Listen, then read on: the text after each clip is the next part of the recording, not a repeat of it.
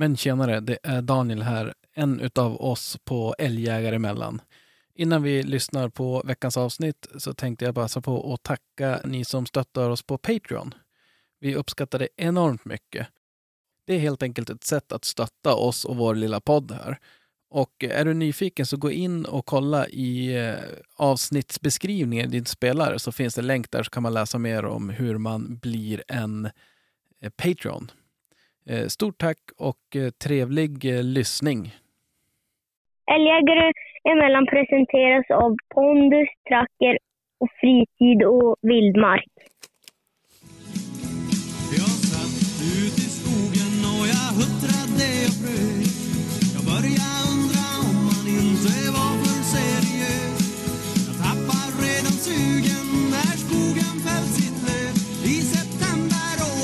Hörni, nu gör vi som myggen och surrar lite. Exakt. Hej och välkommen till eh, podcasten Älgjägare emellan. Hallå. Tjenare! Hur är läget med er? Men tack, det är bra. Märkte ingenting. Vad tänkte du? Jag är ju raka mig. Jaha. Så inte ska... Ja, så att du inte ska vara på och mixtra med... Men frågan är nu, Ja. Krille, nu får, nu får du säga något. Vi har ju fått feedback att du hörs ju för dåligt. Ja, jag vet. Jag har ju förstått det. Jag har inte varit inne och lyssnat själv, men Nej, det har vi märkt. jag trodde våra, pod- våra poddansvarig skulle styra upp det där. då. Ja, jo, nej, men Men jag, det, jag har bokat tid nu med en talpedagog. ja, I, sto... men det funkar som halvdåligt, för just nu då har jag legat här en halvtimme och sovit ut på holmen med hundarna i stugan. Det är svårt att sitta vid en dator då. Ja, jo, det där är ju... Så att det, jag önskar, jag, jag, har, jag har då eh, avsnittsbild tirrat, så att säga. Så kan ni få se hur jävla gött jag har. Ja, ja, men det är ju inte alls provocerande. inte, Skicka, det, inte det minsta.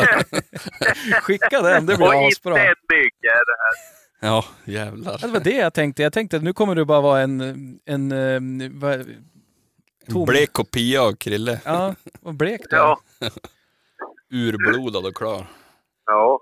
Men jag tänkte, kan du inte gräva en sån där, vad heter det, kabelgrav och lägga ner någon fiber till holmen? Ja, det ska vara det.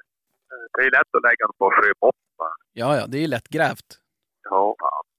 Ända tills du ska ro drag, då, då tappar du uppkoppling. Men vad var det jag tänkte? Jo, men nu först till det viktigaste här. Vi har ju också fått massa frågor. Vad var det där nu? Vad, vad hette den där?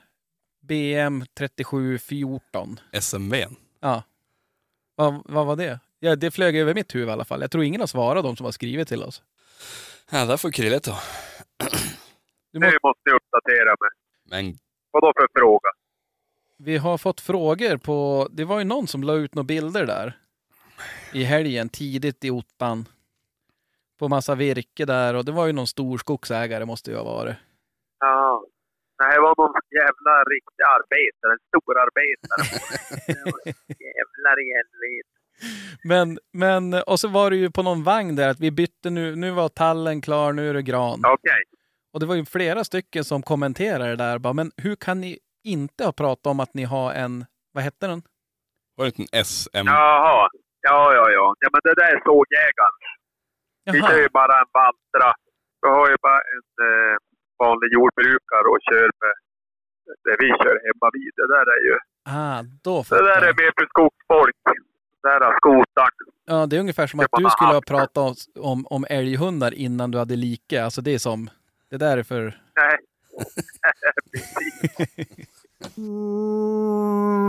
Veckans avsnitt av Älgjägare emellan presenteras i samarbete med Fritid Vildmark. Och eh, vill passa på att tipsa lite grann där om att de fortsätter med eh, lite begagnat fokus på kikarsikten. Eh, så gå in på deras hemsida fritidvildmark.se. Läs mer, kolla vilka modeller de har. De har, de har 10% på begagnad optik. Så passa på att skynda och fynda i deras webbshop. Vill även faktiskt, det här är ju inte helt jaktrelaterat, men vill ändå passa på att tipsa om att de har nu åter Headbanger i butik. Och eh, för er som inte fiskar så mycket kanske ni inte har koll på vad Headbanger är, men det är ett, ja, men det är ett jättebra fiskedrag. Ett bete som är känd för sin oförutsägbara gång. Eh, och det är eh, väldigt, väldigt bra för bland annat gädda, öring och abborre. Så kika in där på fritidvilmar.se och läs mer. Och sist men inte minst, jag vill passa på att tipsa om deras tävling de har på sin Facebook-sida. Eh, sök upp fritidvildmark.se. Där kan ni vara med och tävla om en Thermacell Backpacker. Och det kommer ju att behövas här nu, för nu är myggen på G. Så att gå in och läs mer om hur du deltar i tävlingen. Vi säger stort tack till Fritid Vildmark. Veckans avsnitt av Älgjägare emellan presenteras i samarbete med Pondusfoder. Alla Pondus färskfoder för hundar är baserade på naturliga råvaror och hundens anatomiska behov. Deras fabrik ligger i hjärtat av Norrbotten och de flesta av deras råvaror kommer från lokala gårdar i norra Sverige. Och med olika recept kan de möta olika individers behov. De har färskfoder som passar såväl valpar, aktiva unghundar och seniorer. Och de slutar aldrig utvecklas heller. Anledningen varför de fortsätter att utvecklas är för att de vill kunna möta alla individers olika behov. Samtidigt som de ställer höga krav på kvaliteten och på deras råvaror för att kunna garantera att hundarna får i sig mat av den bästa svenska kvalitet som vi i Sverige är vana vid. Samtidigt som de vill fortsätta stötta svenska gårdar. Och deras färskfoder är rått, oprocessat och fritt från onödiga utfyllnader. Och finns i flera olika varianter. Junior, mild, NGL. NGL är den jag kör, passar utmärkt till jakthundar, mycket energi. Original, 3XP, Pondus Junior. Ja, som ni hör så finns det en massa olika att välja på. Gå in på pondusfoder.com. Där kan du läsa mer om de olika sorterna. Du kan läsa mer om Pondusfamiljen som är, är till för uppfödare. Utkörning, vilka återförsäljare, vart du har din närmsta återförsäljare. Så gå in på pondusfoder.com. Vi säger stort tack till Pondusfoder. Veckans avsnitt av Älgjägare emellan presenteras i samarbete med Tracker.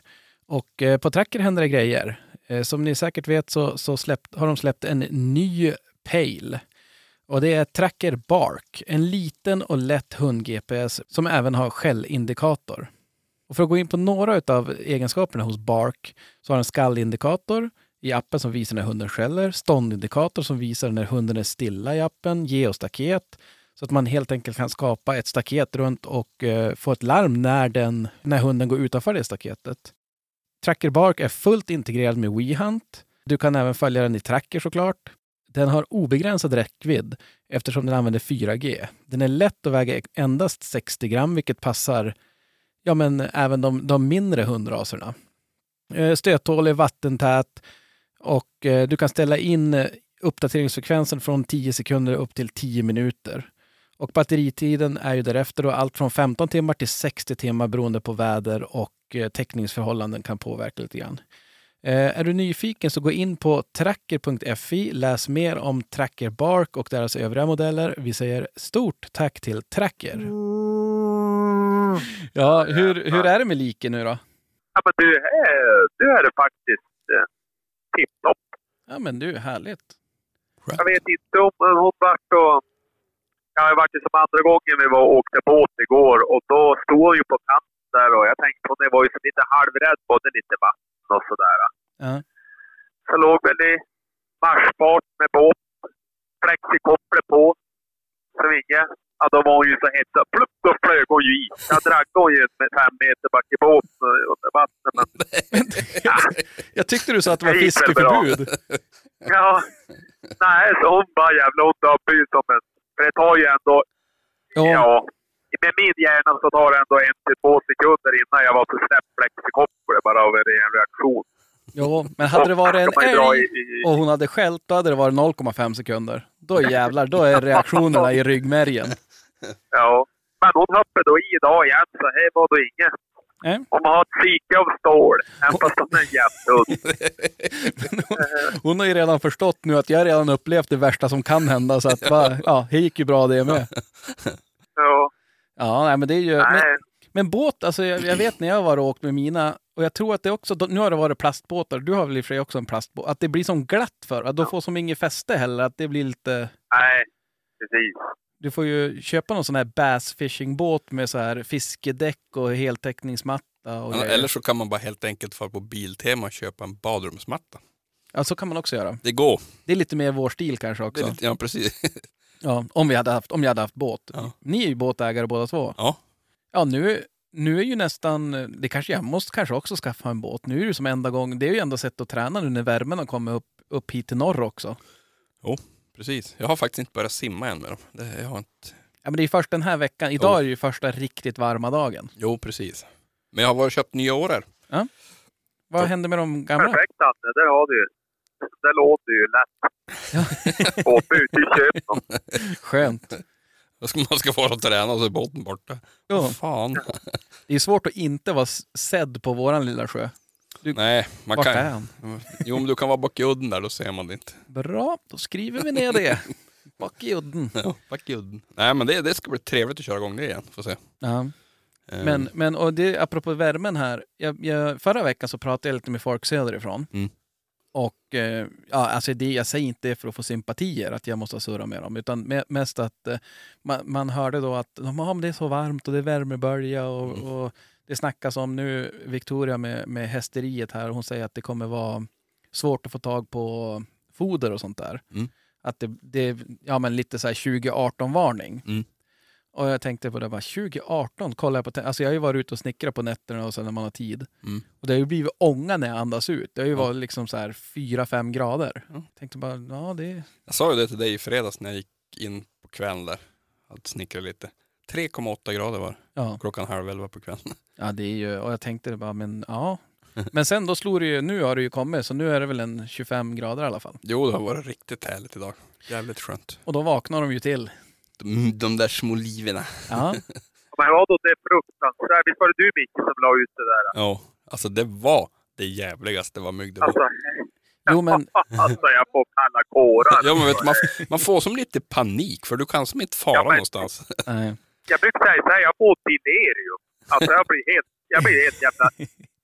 Jag skogstokig alltså. Jag blir, Men bara det här jävla Ja, surrljudet som blir runt omkring en. Det är som Ja. inte tyst någon gång. Nej, alltså det, det är... Men, men första filmen, då såg jag ju inte ens handen. Då var det ju bara svart. Jag tänkte, men nu har han någon linsskydd på här. Men du vift, viftar väl bort det värsta. Jo, jo nej, men jag orkar inte lyfta hand. Det var ju så många på dem. Ja, nej, det är... Men, men. Och, Ja, de dör ju fort, eller blir, går ju bättre nu. Alltså bättre och bättre. Ja, och eh, de, de på, visste ni förresten det att det är... Eller jag har några facts om myggor här. Mm. Visste ni att det bara är kvinnor som sticks? Eller kvinnor. Att det är, att det, Sant? eh, det kvinnliga könet på myggor, eller honor. Hon. Hon- honor. honmygg. honmygg. Ja. Eh, att det är bara de som sticker en. Det hade ni koll på väl? Jo. Men visste ni att även fast de inte sticker något så kan de ändå lägga ägg och att det blir nya mygg? Det hade inte jag koll på. Jo, de, de, de äter, de äter väl annat också. Ja, jag vet inte. Nektar och sånt där har jag tycks hört.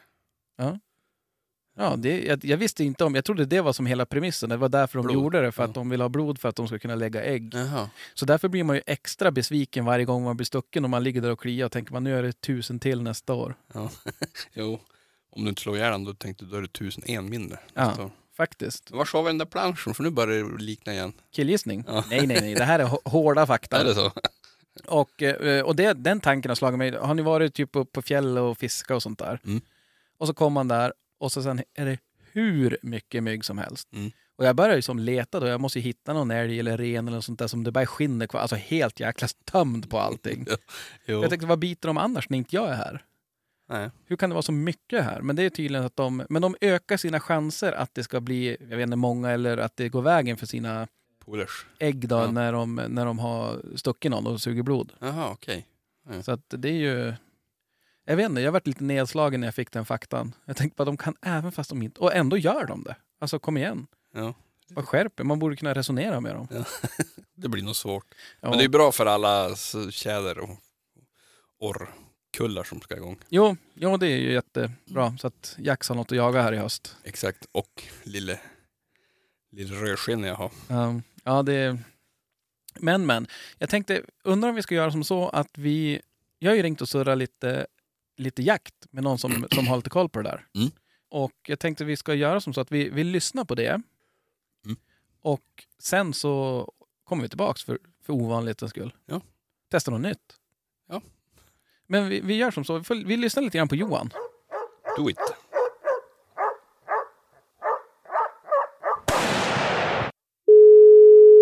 Ja, Johan? Ja men tjenare Johan, det är Daniel från Älgjägare emellan här. Hur är läget? Jo, men tack. Bara bra. Det själv? Jo tack, det är hopp om liv. Nej, men man ska inte klaga. Det, det, finns, eh, det finns gott om folk som har det sämre än mig och framförallt säkert också andra, andra däggdjur, men det ska vi komma in på lite senare. Men hur, hur, ser, hur ser vädret ut hos dig? Du, det är strålande solsken, eh, blå himmel och väldigt torrt kan man väl säga. Alltså det är härligt med, med sommarväder, men eh, ska man eh, prata älg och vilt så börjar det väl bli alldeles för, för torrt i markerna för att det ska kännas helt bra. Aj då, det där, det där, jag har ju hört det att eh, ni lite mer söderut har haft en, ja, men en värmebölja. Det, jag kan trösta dig med att vi hade väl varit typ så här sju grader i morse och eh, grått. Så att eh, viltet trivs nog bättre här just då, men, men eh, ja, nej, men det där kanske, vad tror du, kommer det kunna bli problem för eh, älgen är väl framförallt den som är eh, utsatt så att säga för torka och värme? Nej, men så är det ju. Alltså, älgen är ju väldigt känslig för värme och det såg vi ju inte minst 2018, den torrsommaren. När det, när det brann lite överallt och var extremt torrt i markerna. Och så få kalvar och så små kalvar som vi hade då, det hade vi aldrig haft tidigare. Och, eh, nu är det ju en del som har förutspått att eh, det ska bli en liknande sommar. Och, eh, det vore väl inte direkt det bästa som kunde hända älgstammen i, i det läget som vi är just nu. Nej, nej, verkligen inte. Har, alltså, finns det någon, någon forskning eller någon teori på, har, vi, alltså, har älgstammen återhämtat sig sedan 2018? Eller hur, när det, när det blir en sån sommar, blir det bara en, en vad ska man säga, ett, eh, en, en dal i diagrammet eller är det att det är svårt att kämpa sig upp igen? Ja, men det, det blev ju en dal i, i diagrammet och, och det som ofta är ju att eh, om korna förlorar kalvar tidigt under säsongen så går de ju ofta ganska bra rustade in till nästa säsong. De hinner, hinner äta upp sig och så, för det kostar ganska mycket energi att, att dia kalvar. Så att Ja. de korna som inte hade kalvar, de klarade ju rätt, rätt så bra. Så på, på många håll så såg man ju ett litet uppsving året efter. Men eh, det vi väl får leva med, det är ju de här extremt små kalvarna som föddes under 2018. Och eh, en liten kalv alltså, som, är, som är liten första sommaren och går in som liten första hösten, den, eh, den blir ju en liten älg hela livet. Så Ja. Tittar man på kvaliteten på stammen så får vi definitivt leva med de här älgarna ett bra tag framöver. Ja, de kommer som aldrig ikapp. Nej, men de gör ju inte det. Man brukar säga att den vikten som eh, älgkalvarna har eh, under älgjakten första hösten, de dubblar ungefär den till andra hösten. Och jag menar, då är det lite skillnad om de väger 40 eller 60 kilo första hösten. Ja, jo, det är klart. Då blir det nästan, det, då ökar ju differensen nästan exponentiellt, höll jag på att säga. Ja, men det gör ju det. Och sen så vet man ju att älgarna behöver, eller hondjuren behöver en viss vikt innan de går in i brunst och innan de föder sina första kalvar. Så att, eh, det kan ju exempelvis leda till att eh, hondjuren väntar ytterligare ett år innan de faktiskt får sin första kalv. Och då, då blir det ju färre kalvar i skogen och så vidare. Så det blir ju en ond spiral. Dessutom så vet man ju också att små kor får mindre kalvar. Så det, det kan ju bli att man hela tiden försämrar eh, stammen då. Ja, det där får man. Men vet du vad jag kom på nu Johan? Nu gick vi, så här blir det alltid när jag ska prata. Man blir så ivrig så att man som... Jag, jag, jag hoppade ju över en massa frågor som jag har här. Vi kan väl kanske börja i rätt ordning här. Att, eh, för de som inte har koll på bara Johan, vem, vem Johan är, så kanske du kan berätta lite grann. Vem, vem är du och vad, vad pysslar du med om dagarna? Ja, nej, men absolut. Johan Stedt heter jag, bor i Värmland, i sydöstra hörnet, en stad som heter Kristinehamn. Och eh, på dagarna så jobbar jag på Jägarförbundet som jaktvårdskonsulent eh, och har då Värmland och Örebro som, eh, som arbetsområde. I de här två länen så, så har jag klövviltsansvar. Så att älgen är ju en, tar upp en stor del av arbetstiden. Kan du berätta lite mer? För det där, det där ibland så kanske vi rusar förbi det. Okej, jaktvårdskonsulent och jobbar med klövvilt. Men vad, vad, vad gör man om dagarna då? Ja, det är en väldigt bra fråga. Den är alltid lika svår att svara på. För att det är ju allt mellan himmel och jord. Ja. Eh, dels så hjälper vi ju våra medlemmar med frågor om eh, olika karaktär. Det kan vara juridik, det kan vara viltförvaltning och, och eh, ja, allt möjligt helt enkelt. Eh, men sen så har vi också ett eh, upphandlat uppdrag av staten där vi jobbar med viltförvaltningen. Så att eh, i mitt jobb så stor del är att vara ute och föreläsa eh, om klövviltsförvaltning. Det kan vara vildsvin, hur motverkar man eh, skador och hur förvaltar man dem på ett eh, klokt sätt. Älgförvaltningen också. Ja. Väldigt mycket vara ute och snacka. Eh, hur gör man en älgskötselplan? Hur förvaltar man älgen för att förbättra kvaliteten och så vidare. och så vidare. Så att mycket vara ute och helt enkelt öka kunskapen bland jägarna kan man säga. Sen, sen så jobbar vi mycket mot myndigheter och så också. Alltså granskar älgskötselplaner och förvaltningsplaner. Helt enkelt titta på dem. Har man räknat rätt? Vill man öka sin älgstam och vill skjuta så här mycket kommer man att gå mot sin målsättning eller vice versa. Ja. Det låter ju väldigt varierat. Ja, men det är det. Så att eh, jaktsportskonsulent så kanske det låter som att man är ute och eh, springer i skogen en massa. Och det är vi i stort sett inte överhuvudtaget. Men, eh, utan det är, det är kontorsjobb, men, men relaterat till jakt hela tiden. Så det är spännande. Ja, ja men det, låter ju, det lät ju för sig lite tråkigt att du inte fick vara ute i skogen så mycket, men, men det kanske du hinner med på fritiden då? Ja, men det är det man får försöka göra. Ja. Vad, vad, eh, du, jag misstänker ju starkt att du jagar själv. Så är det. Eh, det är givetvis eh, mitt största intresse. Och eh, älg är väl det som, eh, som ligger varmast om hjärtat. Det är det jag jagar till största delen. Jag har eh, tre stycken österbiriska lajker som, Ja. jag, som jag jagar med. Så älgen primärt, men eh, givetvis en del vildsvin och eh, sådant med dem också. Ja. Vad är det för ålder på hundarna? Ja, nu har det blivit lite eh, oordning här bland hundarna kan man väl säga. Så det, är, det är en som är tio år och eh, han har fungerat väldigt bra fram till, eh, till slutet här. Nu börjar han att, att bli lite gammal. Sen eh, hade jag en femåring som jag tyvärr fick ta bort här för ett år sedan. Aj då. Ja, det var tråkigt. Han var en eh, late bloomer. Han kom inte igång riktigt i början, men på slutet så började han gå riktigt bra. Och då fick han något som kallas för kloavlossning, som inte var något, eh, något alls trevligt. Eh, en genetisk sjukdom som gör att de helt enkelt tappar klokapslarna. Oj, ja det lät... Det, eh, det, var, nej, det var ingen höjdare. Så nej. att, eh, han kunde ju knappt leka på slutet utan att han rev av klorna. Så att, det, tyvärr fanns det bara, bara en lösning på problemet. Ja, huvudligen trist. Och så en, en eh, ny, ny, eh, nytillskott då, eller? Ja, men nu är det två nytillskott faktiskt. Att Ja. Jag har tre stycken nu. Så att jag, jag skaffade en, eh, en här för ett år sedan som är, ja, vad blir det, dryga året nu då.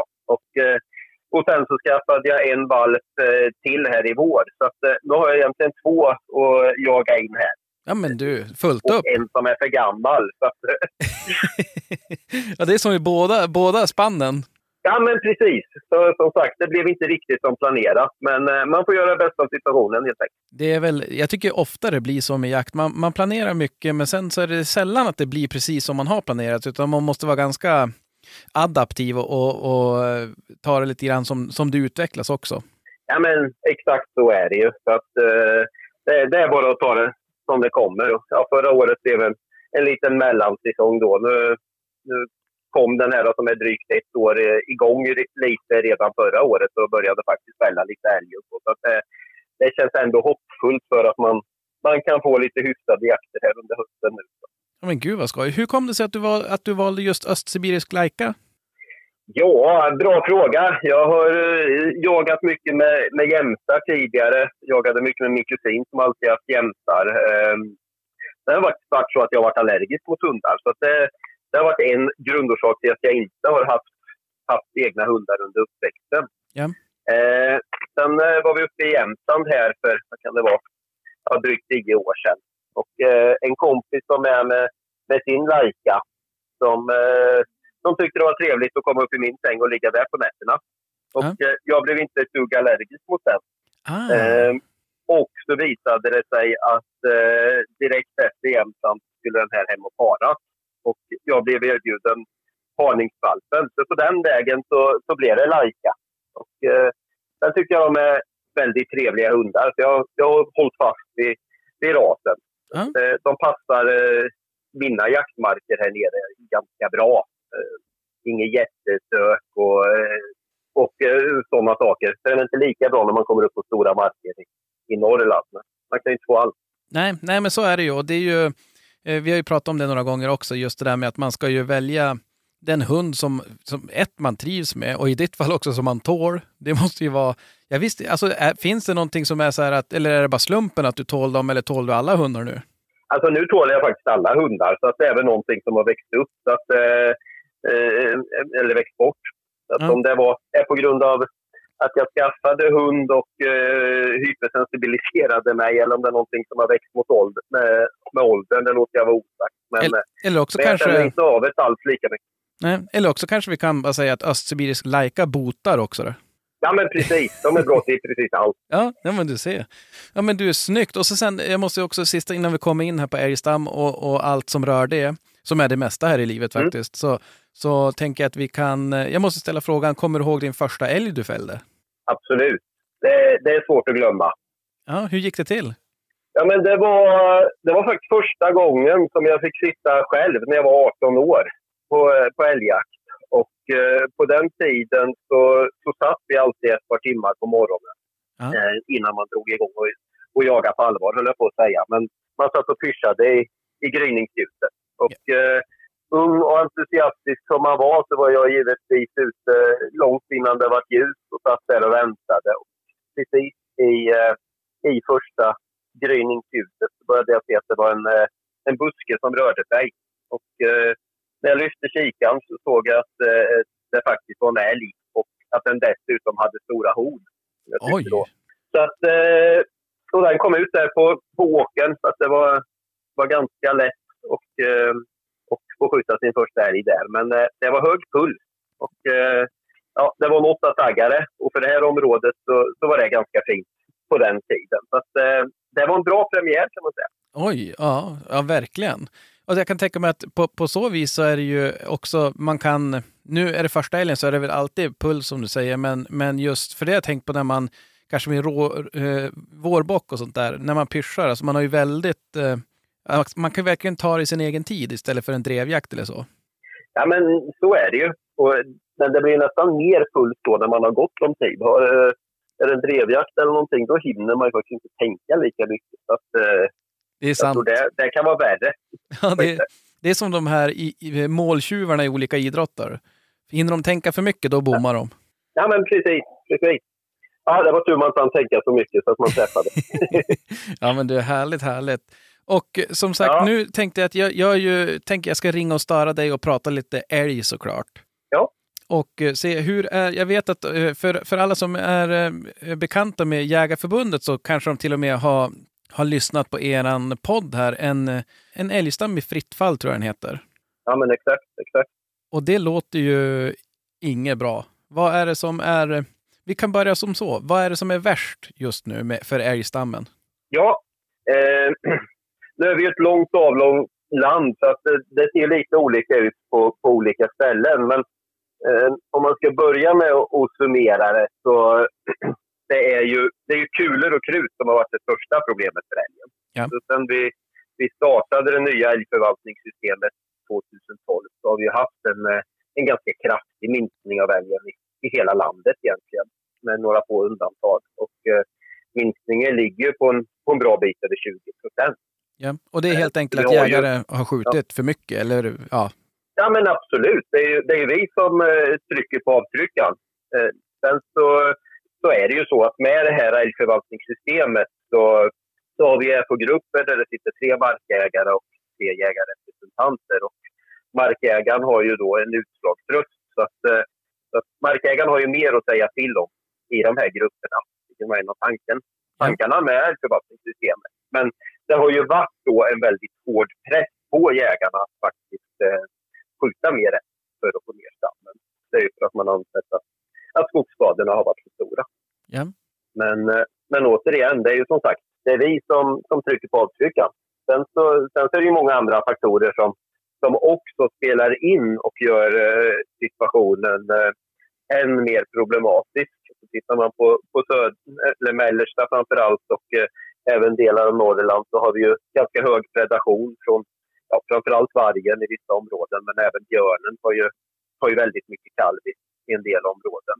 Så att det, det är någonting som också krånglar till det. Dels när man skjuter mycket älg och, och samtidigt predation så blir det ett väldigt högt tryck.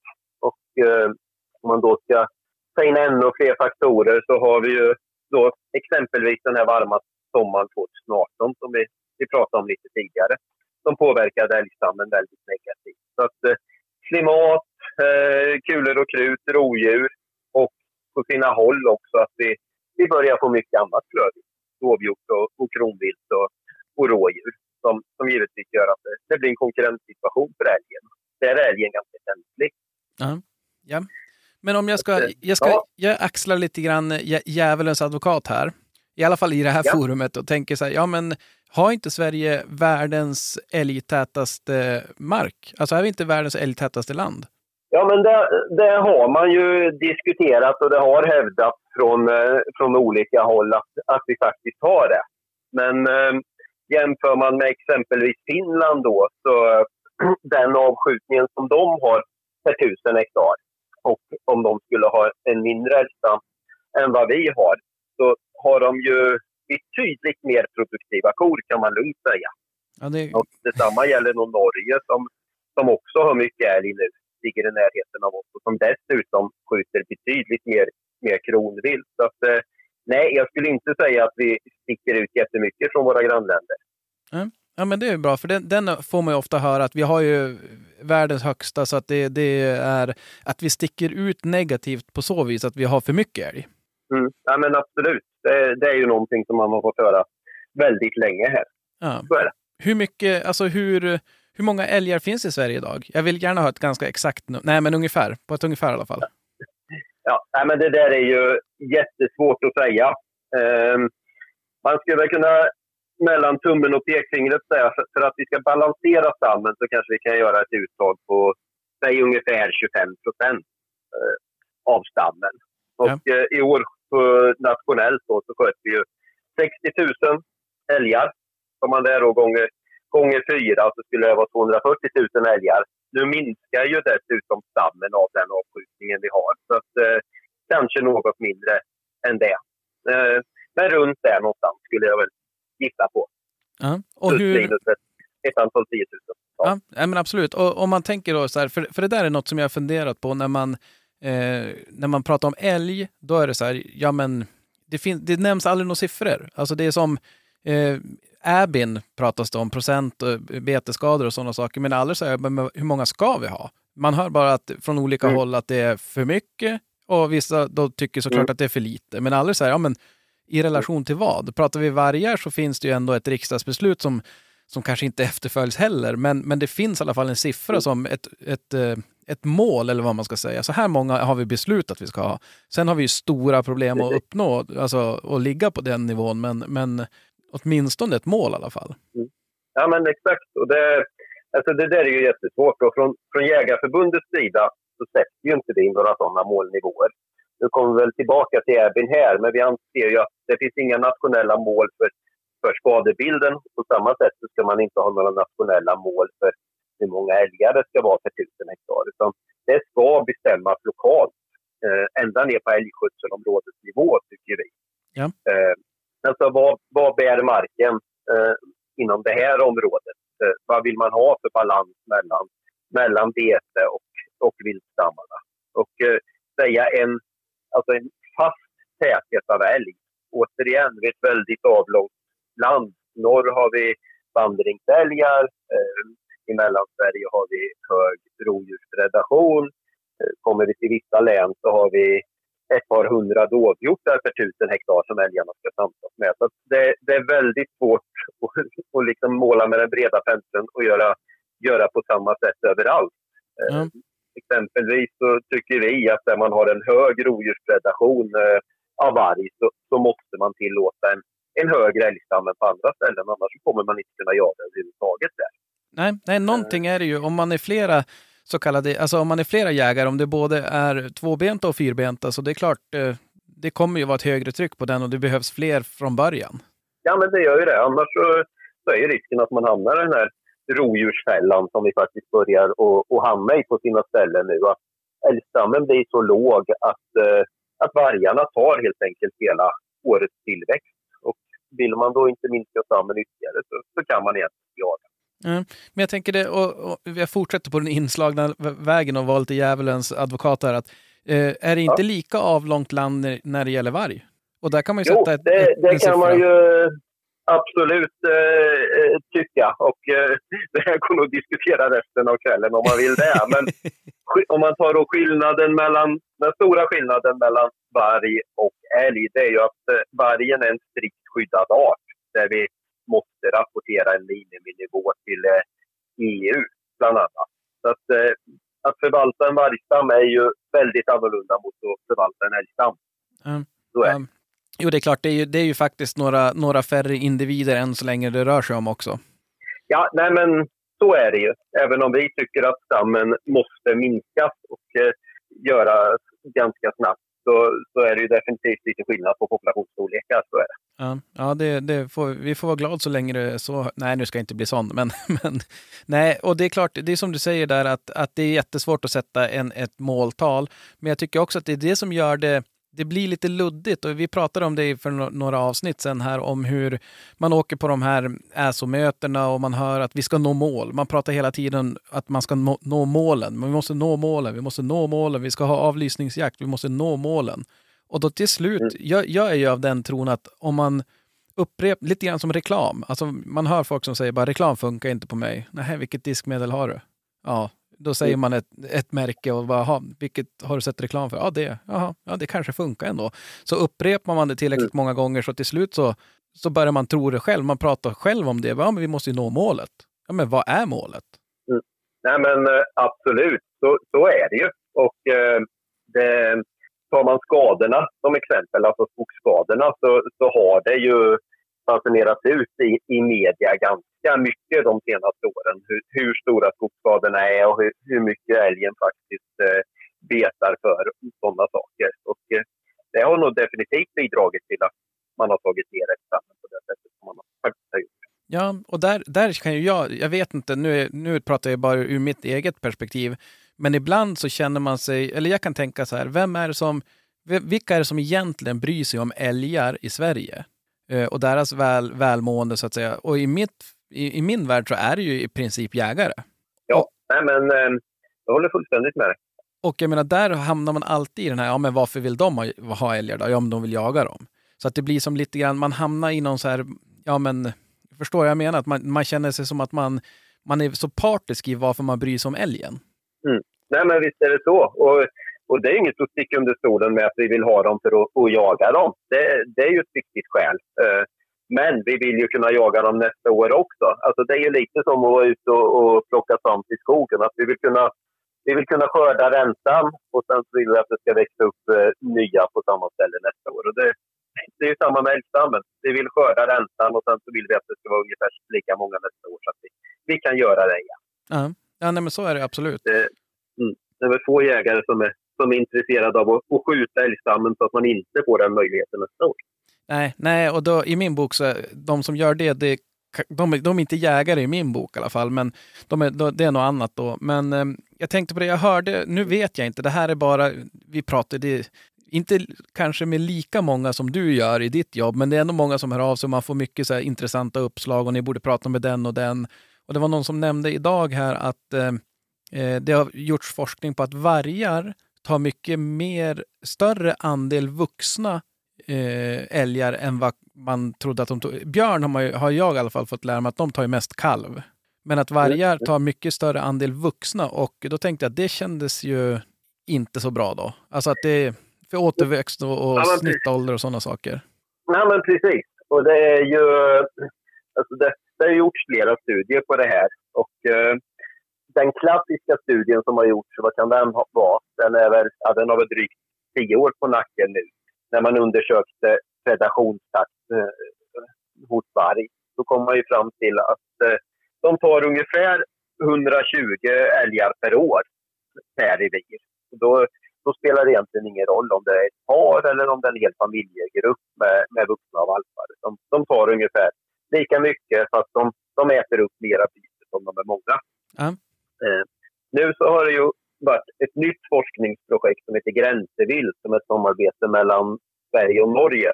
Och eh, Eh, där har man tittat på ett antal revir och eh, undersökt vad de käkar.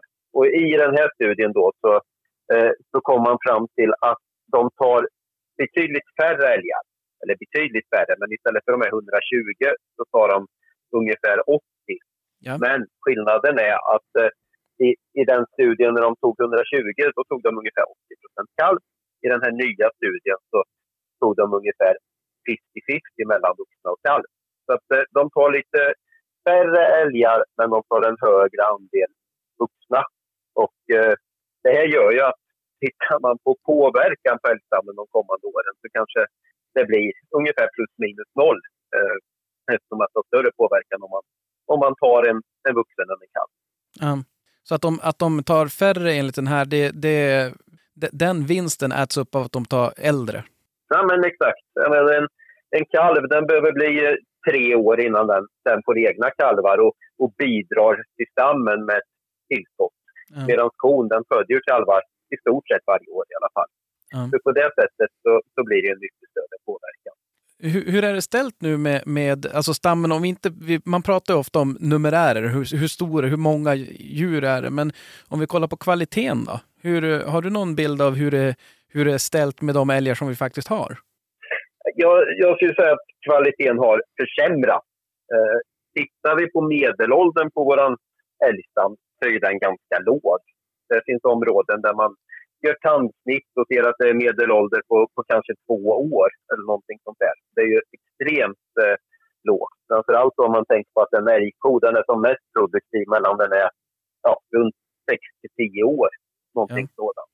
Eh, så att medelåldern eh, gör ju att vi, vi får en sämre kvalitet. Sen så, så lite som det här som vi var inne på i början, att eh, små kor, de får små kalvar och eh, en liten kalv då tillväxer sämre blir en liten ko och så får den i sin tur en liten kalv. Så att eh, genom den här negativa spiralen som vi har så har vi nog också försämrat kvaliteten.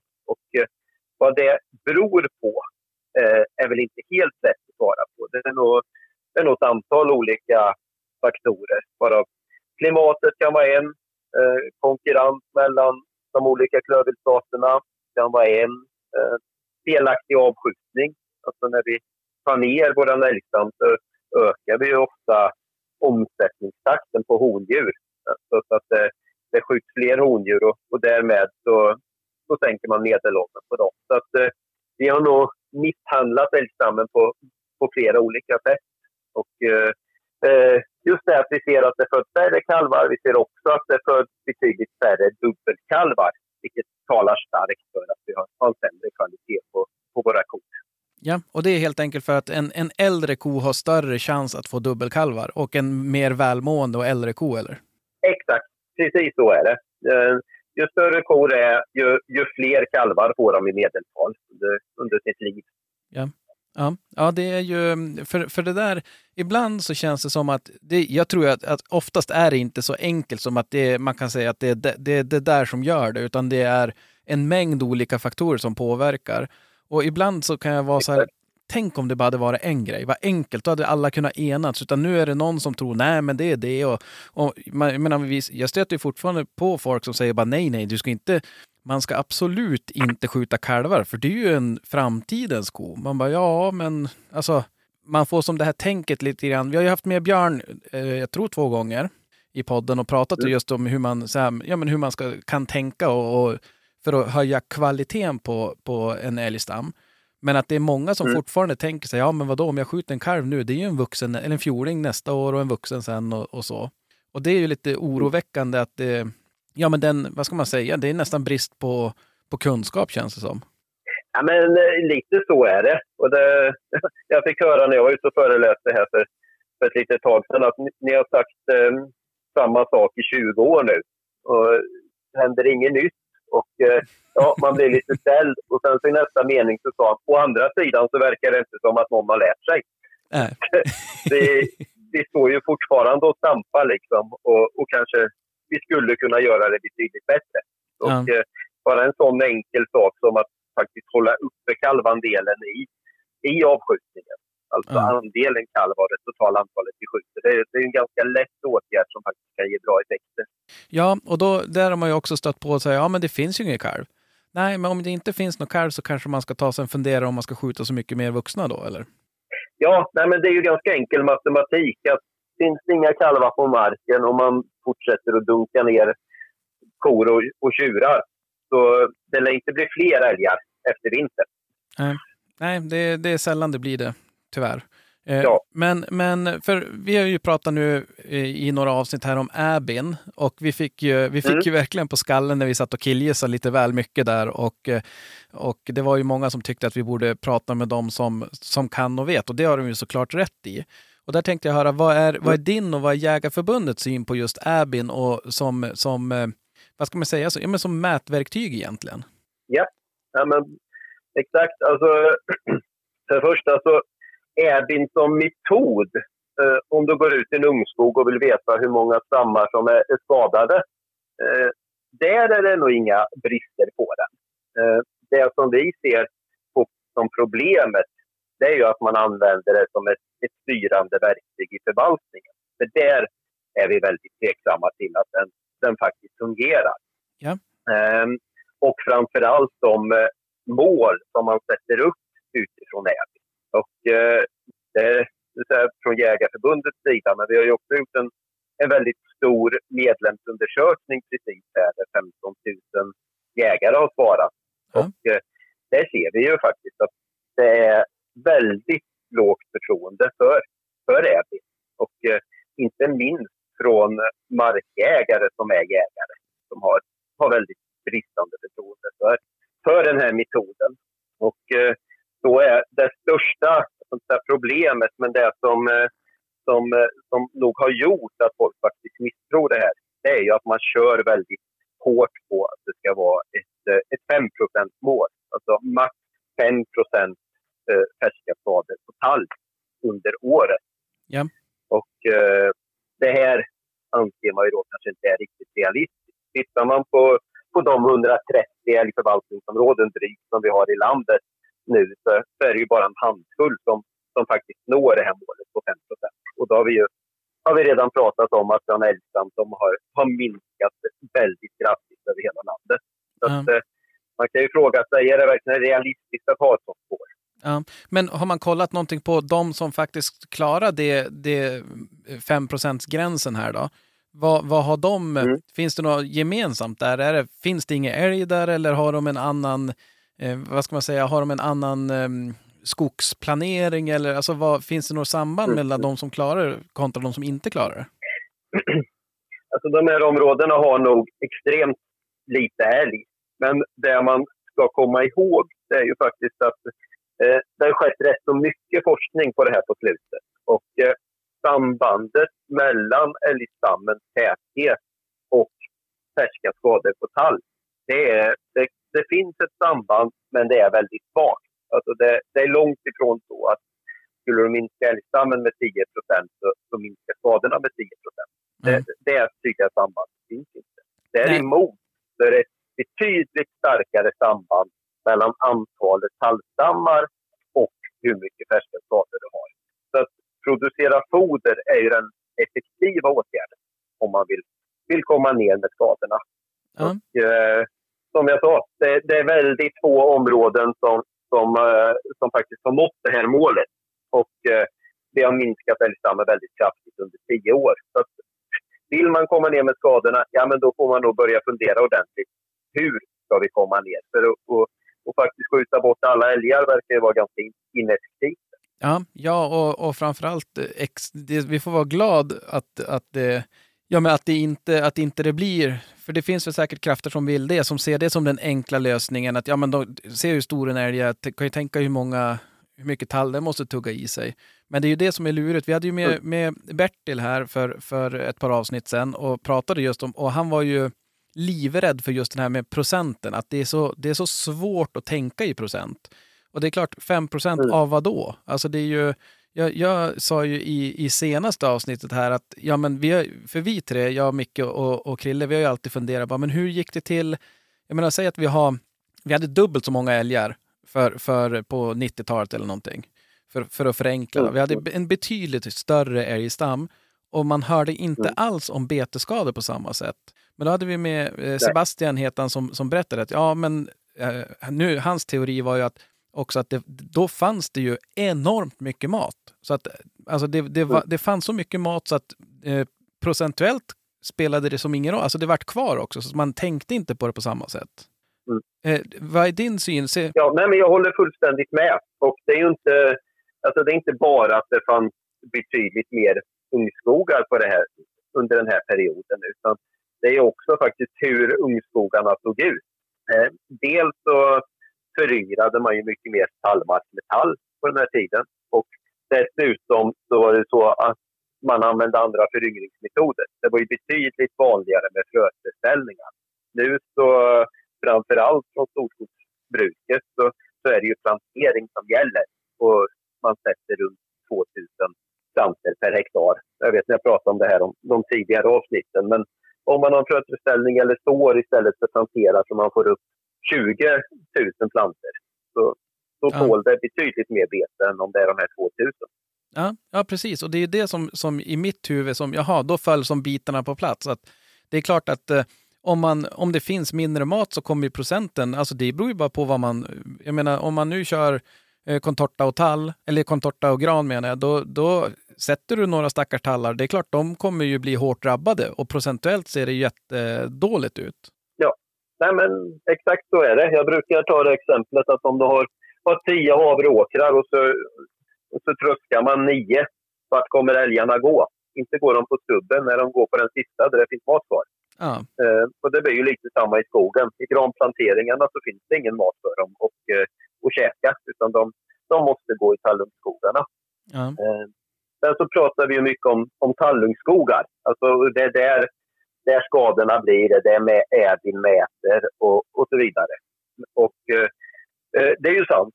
Men man ska också komma ihåg att eh, tallen är ju viktig under hela sin omloppstid. För går du i en gammal eh, 80-årig tallskog så är det ganska ljust och fint. Det kommer vara bärigt i markskiktet. Det kommer lite lövuppslag.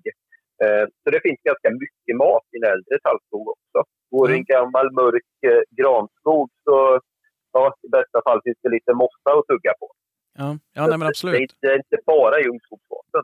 Nej, men jag, jag hörde någon siffra nu, kommer jag inte ihåg vart jag hörde den, men, men att ungefär 50 procent utav födointaget hos en älg var i, i gamskog alltså. Ja, men exakt så är det ju. Men eh, ju mer granskog det blir och ju mindre mat det blir i, i storskogen, då tvingas de ju ut till, till ungskogen och vi får mer skador. Och eh, det här, det här har blivit ganska tydligt, inte minst i de studier som man har gjort inom eh, alltså flerartsförvaltning, när, när man har tittat på olika tätheter av klövviltstammarna. Man ser att är det, är det få klövvilt, då äter älgen mycket bärris. Eh, blir det mycket klövvilt, ja, då drar, drar älgen ner ordentligt på sitt intag av bäring. Och det tror man beror på att eh, är det en tuff konkurrens så blir bärriset betydligt lägre för att det betas hårt. Och för älgen då med, med sin stora mule så det, det är inte tillräcklig energivinst att gå och käka av det här bärriset. Ja. Eh, Medan rådjur och dovhjortar, de, de kan glatt fortsätta att käka. Och eh, då måste älgen hitta ett alternativ. Och eh, då får den gå till ungskogarna och käka tall istället.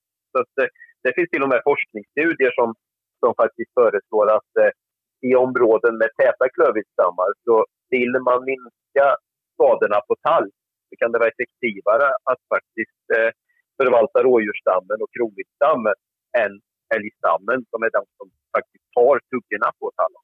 Ja, det där, sånt där är ju fascinerande tycker jag, när man, när man tänker hela vägen på något sätt. Att, att, och det är ju, nu är det klart, nu, jag är ju varm förespråkare för älgen och jag har väl ingenting emot dovdjur, Mm. dovhjortar eller, eller rådjur heller. Men, men ändå att man så här, istället för att bara se att man kommer till, vad ska man säga, pudelns kärna, att det det är det här som gör. Antingen så måste alla, för det var ju också en sån där grej som, som jag reagerar på, som Bertil sa, att om, om man har en, en tallplantering och det är Mm. en pinntjur där, så kommer den att kunna se till så att statistiskt sett kommer det, se- alltså det kommer ju vara helt betat där.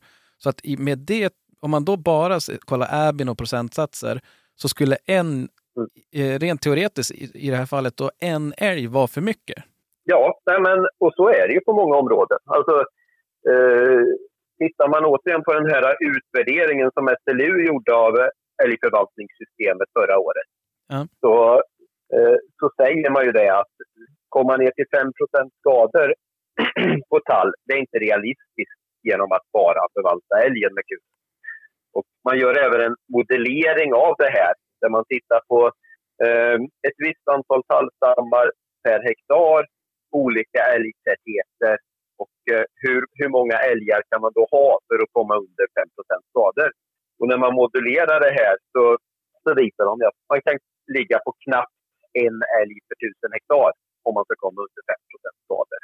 Och eh, ja, då kan vi ju glömma jakt och eh, jag tror inte att det är någon som är intresserad av att ha, ha den älgstammen. Så att, eh, ja, antingen så är 5% målet helt felsatt eller så får vi nog hitta verktygen för att faktiskt komma ner till de här nivåerna. Och det är inte att skjuta mer älg. Mm.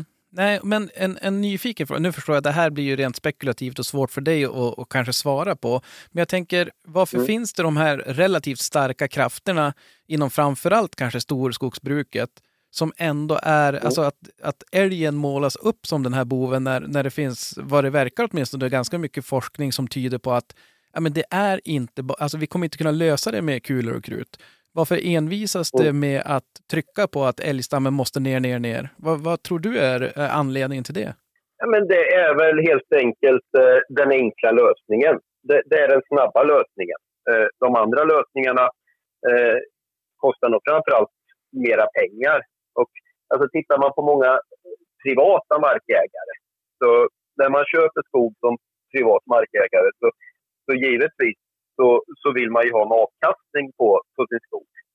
Men eh, jag tror inte att det är bara för avkastningen som man köper den, utan det är också re- rekreation, till exempel jakt, som, som man vill få ut av sitt skogsägande. Ja. Eh, Så man har många olika värden i det. Men tar man skogsbolagen, då, då räknar man ju kronor och ören på ett helt, helt annat sätt. Och det är framförallt aktieägarna man vill, vill tillfredsställa. Eh, Så därför så skulle jag nog säga att de här tuffa kraven Men det, ja, jag får ändå inte ihop det eftersom det är bevisligen nu, om SLU har forskat på det och så här, men det kommer inte gå. Alltså det, det kommer, för ja, antingen ska vi ta typ ett riksdagsbeslut på att vi ska utrota älg och det tror jag inte man kan driva igenom. Ja. Jag tror ingen vill det. Eh, Så att jag menar, då kommer det bevisligen inte att funka. Men ändå så är, istället för att okej, vi trodde det här, vi kan gå, alltså bevisligen funkar inte det. Nu har vi minskat stammen si och så mycket, men vi ser inte de uppsidorna på betestryck eller vad vi ska kalla det. Men att man då Mm. inte, alltså det, ja, jag vet att det är svårt för dig att svara på, det måste jag ställa till dem, varför man, eh, om Mm. de har en hang-up på just älg och varför, eh, vad man kan göra åt det. För det låter ju i min bok som typ kunskapsbrist, men de, de personer jag pratar med från, som jobbar i skogen, de är ju oftast ganska bra pålästa och så. Absolut, absolut. Nej, men sen, ett problem som vi har, eller problem kanske man inte ska kalla det, men älgen är ju det, som, det viltet som vi faktiskt kan, kan påverka. Ehm, eller vi kan påverka allt vilt, men, men rådjursavskjutningen exempelvis, det är ju upp till vardera jakträttshavare. Ja. Eh, Vi har inga älgförvaltningsområden som gör planer för hur många rådjur som ska skjutas, utan det kan var och en bestämma. Samma med dåvilt. Eh, kronvilt och älg, där, där har vi våra planer. Så det är väl det man, man kan styra över större områden. Och därför, därför har nog älgen helt enkelt fått, eh, fått ta mycket skuld och, eh, och vara den som har fått lida för det här. Skulle Ja. jag säga. Ja, nej, vi får hoppas på en, en förändring där. Sen tänkte jag, för att eh, inte byta ämne helt, men ändå att svänga till, för att det är ju som du säger, Sverige är ett väldigt avlångt land och det är ju superkul. Mm. Eh, Men vi ser ju olika problematik, eller olika problembilder på, i olika landsändar så att säga. Här uppe hos oss har vi ju problemet med vandringsälg och i dalgångar och, och de bitarna. Är det någonting som ni på Mm. Jägarförbundet har så här, ja men hur, hur ska vi lösa, för frösådd kanske inte är lika effektivt här, om, om jag har förstått saken rätt, utan här kommer det vara vissa områden där det blir väldigt höga eh, anhopningar med älg. Och hur ska man, Mm, alltså har ni mm. någon tanke hur man ska kunna lösa den problematiken? Ja, ska jag ju direkt erkänna att eh, problematiken med vandringsälg är inte mitt starkaste ämne. Eh, här nere i mina trakter så har vi inte så mycket vandringsälg. Så att Så att jag jobbar inte jättemycket med det, Mm. den problematiken. Det man kan säga där, det är väl att alltså, de här eh, vinterkvarteren som älgarna har, där har de ju, dit har de ju knallat i, i tusentals år. Ja. Och eh, även om de blir färre så kommer de att fortsätta att knalla till, till samma område. Så att eh, ska man bli av med problemet där, ja men då är det nog i stort sett att skjuta bort sista älgen. Eh, och problemet är ju då att alltså, skjuter vi, vi skjuta ner älgstammen på de här vinterkvarteren när älgarna står ganska koncentrerat. Ja, vi kanske skjuter älgar på några tusen hektar, men vi, vi tömmer flera hundratusen hektar på, på älgar. Ja. Eh, så det får ju stora konsekvenser på, på väldigt stora områden. Eh, men Den lösningen på det har jag väl inte riktigt. Men jag menar, man, man avsätter ju skog till, för, av andra skäl på en hel del områden. Och har man någon sån här tallföryngring där man faktiskt vet att här, här går det inte fuskskog, här kommer älgarna och gå och käka. Ja, det kanske är just en sån skog som, som man ska avsätta och låta dem, de käka där och, och spara skog som ligger runt omkring. Eh, men nu är jag ute på hal det här ämnet eh, är jag långt ifrån kunnig på. Ja, ja, nej, men absolut. Jag, jag, jag förstår att det, det är som sagt, för det där blir ju ehm, 10 000 kronors frågan här uppe och det är precis som du säger att när, när älgarna hopar sig på, på ett par tusen eh, hektar, fast det är egentligen kanske hela inlandets, en hel dalgångs eh, eh, älgtillgång, så blir ju en sån Mm. sak som avlysningsjakt väldigt kännbart för även de som inte kramar avtryckaren? Ja, Men det är ju det, är ju det det blir. Och eh, jag är ganska negativt inställd till, till den här avlysningsjakten. Eh, dels att det kan bli väldigt högt jakttryck på, på vissa områden och, och kanske framför allt eh, från mina områden här nere att det, det blir som en tävling. Alltså man har hela jaktsäsongen på sig att skjuta det där hondjuret i, i jaktlaget. Eh, men är det avlysningsjakt så så vet man att efter premiären eller någon vecka efter premiären, ja men då kanske det är slut på hondjur. Och eh, ja, då kommer den där stora fina kon Ja. och eh, så skjuter man den helt enkelt för att man, ja, vi måste få något kött i boxen när vi har betalat arrendet och, och, och sådana saker. Så att eh, jag tror att det har väldigt negativ eh, inverkan både på antalet älgar och eh, framförallt kanske på kvaliteten av älgstammen. Ja, ja no, nej, men absolut. Där, där, det är jag helt enig med. Men, men eh, ja, om, vi ska, om vi ska se, jag försöker alltid när våra poddar har blivit som aningens dystopiska när vi pratar om de här grejerna. Om, du ser, om vi ska försöka se lite ljust på saker och ting. Eh, vad, vad tror du, vad talar för älgen just nu? Finns det något som du känner, det här känns bra och det här känns hoppfullt och, och sådana saker? Ja, men eh, ska man börja med, med det här med, med Äbin då och diskutera det som, som har varit väldigt styrande inom förvaltningen eh, under senare år så tror jag att det börjar nog gå upp för många att, eh, att vi, vi kan inte förvalta skogen genom att bara skjuta älg utan vi måste, vi måste jobba med andra verktyg också. Eh, det börjar bli ganska uppenbart och där kommer fler och fler forskningsartiklar där. Så att, eh, jag tror och hoppas att även myndigheterna kommer att anamma det här och, och, och inse att det faktiskt är så. Eh, sen så har vi ju faktiskt en positiv trend i skogen. Att eh, det föryngras mer med pall. Tittar man på, på mina områden här i Mellansverige och söderut så har vi fått lite gratis hjälp av att det har varit väldigt mycket barkborre. Man har huggit ner granar som har stått på fel mark och föryngrat metall istället. Så att, eh, det, ser, det är en uppåtgående kurva i tallföryngring. Samtidigt så ser vi ju fortfarande resultaten kom från Götaland häromdagen att eh, eh, tittar man på den äldre skogen så är det fortfarande en, en högre procent tall i skogarna än vad det är vi föryngrar med. Så det, det, finns, det finns fortfarande väldigt stor förbättringspotential. Men det går åt rätt håll. Ja, men det är ju positivt. En tredje sak det är väl att eh, tittar man nu på situationen med älgstammen så upplever jag att eh, man har sista året här vaknat och eh, upptäckt att det här håller på att gå käpprätt åt skogen. Eh, vi har knappt någon älgjakt längre. Så att, eh, min bild är att jägarna på, på många håll har verkligen kraftsamlat och eh, vill få till en förändring. Och, eh, Örebro län där, eh, där jag jobbar. Där man har kanske Sveriges tätaste vargstam nu och eh, älgstammen har nog blivit betydligt lägre än vad man faktiskt trodde. Och, eh, där är det väl åtminstone tre älgförvaltningsområden där man eh, nu planerar att faktiskt bara jaga kalv i hela, hela älgförvaltningsområdena. Så att, eh, jag tror att eh, förvaltningen kommer nog få en skjuts åt rätt håll och man kommer att vara betydligt försiktigare med vilka, vilka älgar man faktiskt skjuter och försöka bygga upp stammen på många håll. Ja, är, det, är det, tror du, ett resultat av det här klassiska ordstävet att eh, man, man, saknar inte kon förrän spiltan är tom? Att man, det, måste bli så, det måste bli tillräckligt illa för att folk ska så, vakna upp och säga oj, du, vi kanske måste göra något åt det här?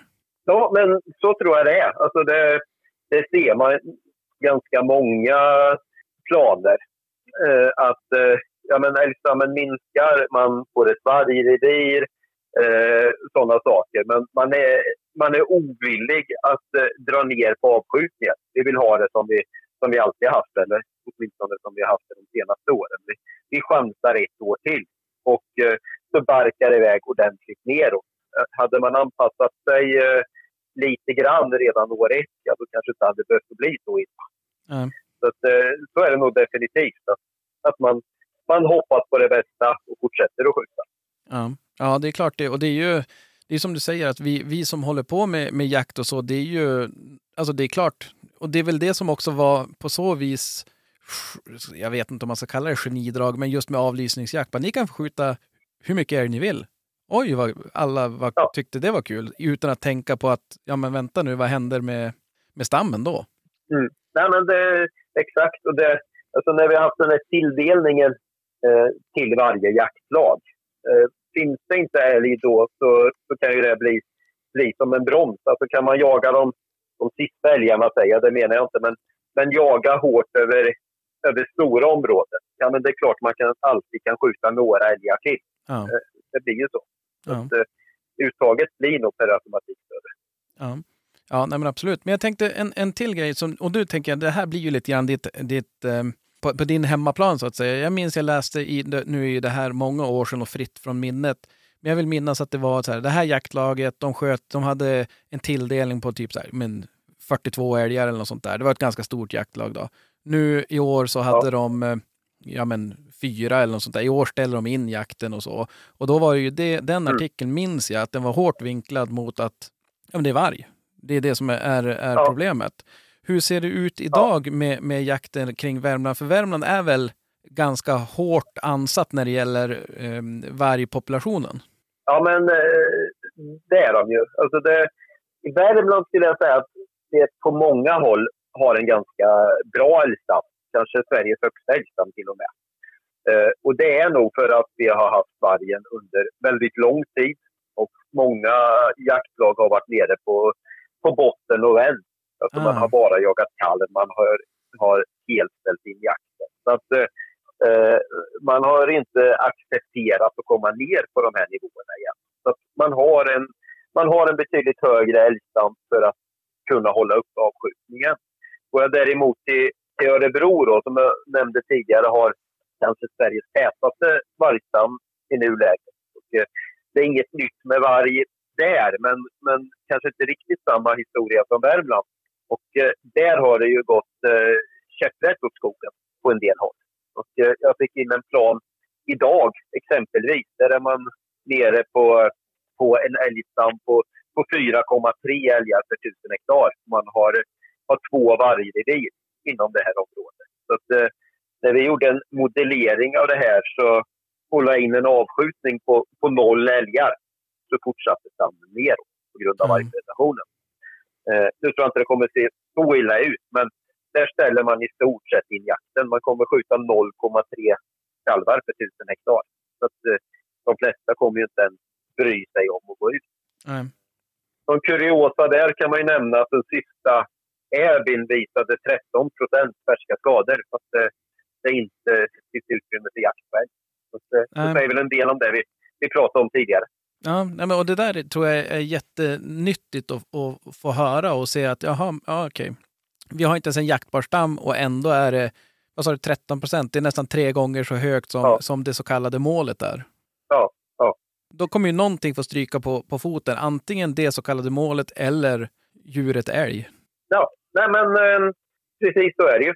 Och eh, nej, men här, här måste det till andra, andra verktyg. Och eh, ja, framför allt inom skogsbruket. Sen, sen ett sånt här område så kan man väl säga att det, det som framför allt måste till det är en vargförvaltning där reviren är så här täta. Annars kommer vi inte kunna bygga ut älgstammen. Ja, det, och där tänkte jag, nu när, när jag liksom har dig på tråden så passar jag på. Jag kommer ju aldrig släppa dig nu. Vet, när jag fått... eh, Nej, nej, men det är trevligt att prata med dig.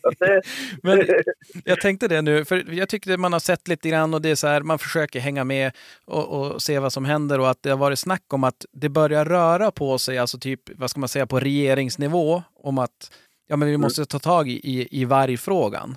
Vad, har du någon Ja. insyn där i vad, vad, om det bara är eh, tomt surr eller vad är din bild? Vad kommer hända och kom, kommer det att hända något och vad i sådana fall? Oj, eh, en bra fråga. Jag tror att intentionerna nu finns faktiskt att försöka att eh, öka avskjutningen på varg. Sen om vi kommer att sänka den ända till 170 vargar som man har tagit beslut på i riksdagen. Det, ja, det återstår väl att se. Men det finns nog en, eh, en rad hinder på vägen. Bland annat att eh, EU kan tycka att vi har ett för stort procentuellt uttag ur vår vargstam. Eh, om vi skjuter så mycket att vi ska komma ner till, eh, till, till 170. Så att, eh, jag tror, eh, även om vi vill neråt, ett bra första steg är nog att se till att vi faktiskt minskar vargstammen. Eh, sen så kommer det nog hända ganska mycket kommande år här. Alltså den explosion som vi har sett i södra Sverige nu senaste året. Den, eh, ja, det kommer nog att fortsätta, är, är jag rädd. Så att det, vargarna kommer bli, bli spridda över större områden. Ja.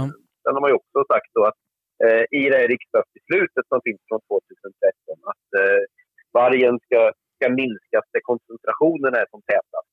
Och eh, det är ju i Mellansverige vi har haft det under, under lång tid. Så att, eh, för, de som bor i Mellansverige och har haft varg på markerna under lång tid så kan ju en spridning söderut faktiskt göra att man kan få lite lättat tryck där på, Ja. på en mer utspridd stam. Men eh, ja, vi är nog helt överens om att som stammen ser ut nu så, så är den alldeles för stor och har för stor påverkan i alla fall. Sen eh, hur väl vi lyckas med att minska, det, ja, det är svårt att svara på. Men vi jobbar stenhårt på det. Ja. Ja, för det där, ibland tänker jag så när det gäller, som vi var ner, vi pratade om älgstammen där, att det måste ner till en viss nivå innan folk ska som vakna upp och säga oj, det här, nu måste vi göra någonting. Och det känns lite grann som det är Mm. samma grej med vargen, att eh, om det är eh, Mellansverige och kanske framförallt inte i, i så jättebebyggda områden, så då är det så, ja men det är ingen Mm. som, man får känslan av att det kanske inte är så stort problem då.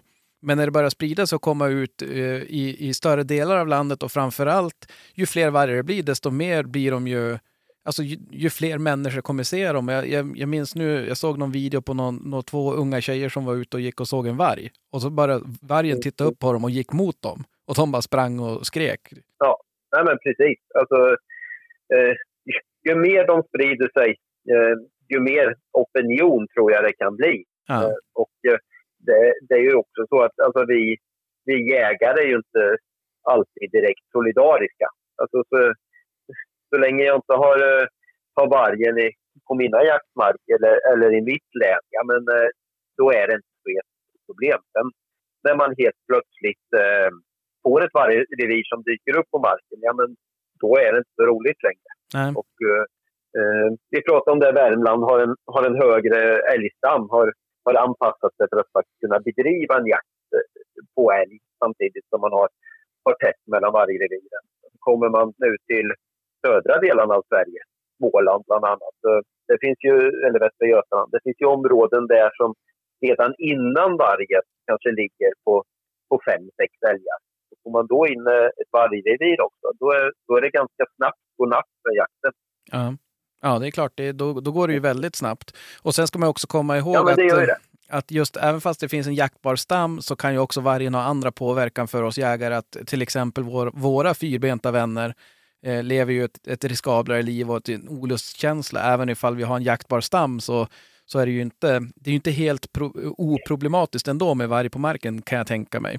Precis så är det ju. Och att, eh, alltså, så länge vi har stora vargrevir så, så, så kan man ju ofta bedriva en, en älgjakt. Men, men just den här alltså, oron, klumpen i magen som man, man alltid har när man släpper sin hund. Jag menar när jag, när jag släpper mina lajker och, och de är iväg eh, ett antal hundra meter eller någon kilometer iväg och man, eh, man ser att det blir stopp men de inte skäller. Alltså, Oh. det första man tänker är ju att shit, har det hänt nu?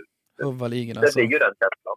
Ja. Eh, och det, det finns trafik och, och, och sånt som, eh, som skördar många hundliv också. Men alltså där, med dagens pejlar och allting, där kan man i alla fall alltid försöka att jämskjuta och rädda hunden. Gäller det vargen så vet vi ju aldrig var det händer i. Att, eh, det, det är svårt att skydda sig mot. Ja, ja. Nej, men hade det varit så att, att man hade haft att alla, alla vargar var, var också som man såg dem i, i trackerappen. Men du, oj, nu börjar det vara Då kan man åtminstone försöka agera som om det vore en järnväg, för den ser man ju. Då kan man ju faktiskt, vet du vad, nu bryter jag jakten för jag, måste, jag vill fara dit så att det inte händer någonting. Ja, men exakt. Och dessutom så så är det ofta ett antal i jaktlagen som, som också har en pejl och kan hjälpa till att sticka iväg och så vidare. Så att pejlarna räddar ju många hundliv på det sättet. Ja. Absolut. Och, ja, men det här är någonting som... Många älgliv också när folk sitter och tittar ner i pejlen istället för att ha koll på vad som händer runt omkring sig. Säkert, så är det, så är det också. Kanske, kanske framför allt småvilt där hundarna ligger eh, 5-10 minuter efter. Ja, jo Eh. absolut. Den, den minen har jag gått på själv när man inte var så, så rutinerad drev, alltså jaga på, på drev. Så att jag tänkte bara, men Ja. jag stod ju och kollade fort di- dit det skällde, för då skäller så går det ju ganska Mm. långsamt tänker jag. Men, men så var det inte. Nej, men precis. Nej, så var det inte. Nej, precis. Nej, och det, om vi nu kommer in på småvilt, där, där märker vi väl kanske de, de tydligaste skillnaderna här i, eh, i vargmarkerna. För det, alltså, går man tillbaka 20-30 år så, eh, så jagade ju var och varannan hare och rådjur här. Nu, jag kan ju knappt få tag i en stövare som jagar hare om jag skulle vilja jaga det. För att eh, alla har lagt ner det i de här områdena. Ja. Man vill inte ha dem i varje liv. Nej. Så att det, det, det är färre hundar som skäller ute i skogen på helgerna. Det kan jag säga. Ja, det, det, det är tråkigt. Och jag är väl inte så här... Alltså jag personligen, jag har ju som egentligen ingenting emot något djur sådär. Men, men problemet blir ju när djuren ställer till det. Då måste man ju kolla hur, ja, men hur många ska det vara och, och vart ska de vara och sådana saker. Och jag tycker ju att vargen ställer till det ganska mycket för ganska många. Och lite grann räddningen där är väl kanske att vi ser samma problematik ute i Europa. Jag såg Österrike, var, nu såg jag bara rubriken och då ska man ju vara lite försiktig. Men det var någonting om, om typ skottpeng eh, på, på varg nu där. Okej, ja, det, det är mer än vad jag vet. Men det är ju definitivt så att vargen sprider sig i Europa. Så att det, det är inte längre en eh, alltså enbart nordisk fråga som det kanske var tidigare. Utan, eh, Tyskland eh, och de här, Frankrike, Macron till exempel i Frankrike var ju ute för, för något år sedan och sa att vi måste börja förvalta vargen på ett annat sätt. Och, Ja. och sådär. Så att det, det rör ju på sig. Viltstammarna förändras och eh, därmed så, så behöver vi ändra i eh, hur vi förvaltar dem också. Ja. Nej, men så är det. Och jag tänkte också bara, bara som en fråga där, för du, du sa ju det att vi jägare, vi är inte alltid solidariska och det, det, jag tycker att det är synd. För att även om, om jag eh, huserar uppe i, i lite norra delarna av Sverige och inte, alltså jag, vi har ju några strövare som går förbi här och, och sådana saker, absolut. Men det är ju inte ett problem för mig som det är för, för många andra.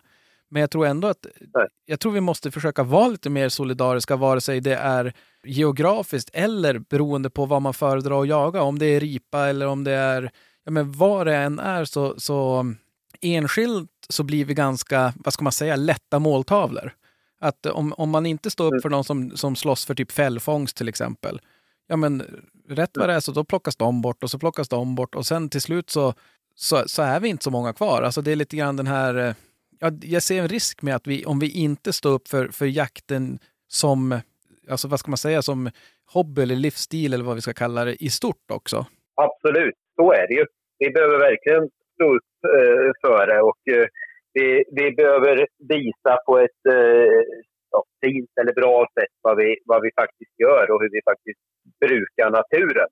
Och eh, man ska komma ihåg att Sverige är ju faktiskt det land som, som har högst acceptans för jakten. Så det ska vi vara verkligen rädda om. Och eh, det, det snabbaste sättet att rasera det, det är ju att vi jägare inte sköter oss utan visar dåligt omdöme i olika situationer. Så att, eh, men- absolut, eh, solidariska och hjälpa varandra i, i olika frågor kring ja, men, rovdjur eller vad det nu må vara. Och, och visa oss från vår bästa sida att det faktiskt är ett eh, ja, vad ska man säga, hållbart brukande av naturen. Vi Ja. skördar det, det, det mest klimatsmarta, ekologiska, närproducerade köttet. Ja, ja nej, men absolut. Det, det tror jag också är jätteviktigt. Men jag har ju hundra frågor till och jag tänker att du, eh, Mm. om det är okej, jag brukar nästan alltid göra det. Det är nästan lika vanligt som jag frågar om första älg. Så brukar jag också ställa en liten eh, gisslanfråga här på slutet. Är, är det okej om vi hör av oss fler gånger till dig? Både med ifall det kommer in frågor, nu kan de ju alltid vända sig till Jägarförbundet och få, få svar på dem också. Men även ifall vi, kom, om vi dyker, dyker upp några nya frågor hos oss, att vi, vi slår en signal och hör och eh, ja, men håller kontakten så att säga. Det är ni jättevälkomna att göra. Det är bara att höra av sig. Ja men du, lysande. Jag ska, jag ska släppa dig nu, jag ska inte uppta hela din kväll. Det var supersnällt att vi fick ringa och, och, och störa och surra med, med de här grejerna, för det är någonting som, ja jag tror att det, det är jättenyttigt, både att höra eh, pr- problembilderna eller vad, vad vi står inför, men också faktiskt också höra att det, det är inte bara nattsvart, utan det, det är mycket annat som, ja, med, med hårt arbete så kommer vi kunna greja det här. Absolut. Ja, men, jättekul att få vara med och surra en stund. Det har varit, eh, varit en trevlig kväll. Ja, du får, du får slå en signal om du ska uppåt norrut här och jaga med, med hundar dina på, ja, jag kan inte garantera, men nästintill garanti på ja- jaktfria mark, eller vargfria marker i alla fall. Ja, det låter ju suveränt. Det gör jag gärna. Ja, du är varmt välkommen och stort tack att vi fick ringa och störa. Jättetack själv. Trevligt. Ha det gott och sköt om dig. Detsamma, detsamma. Ha det. Hej då! Hej.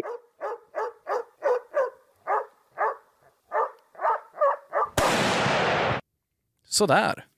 Då var vi tillbaks. Japp. Alltid lika kul att- surra med folk som är pålästa. Mm.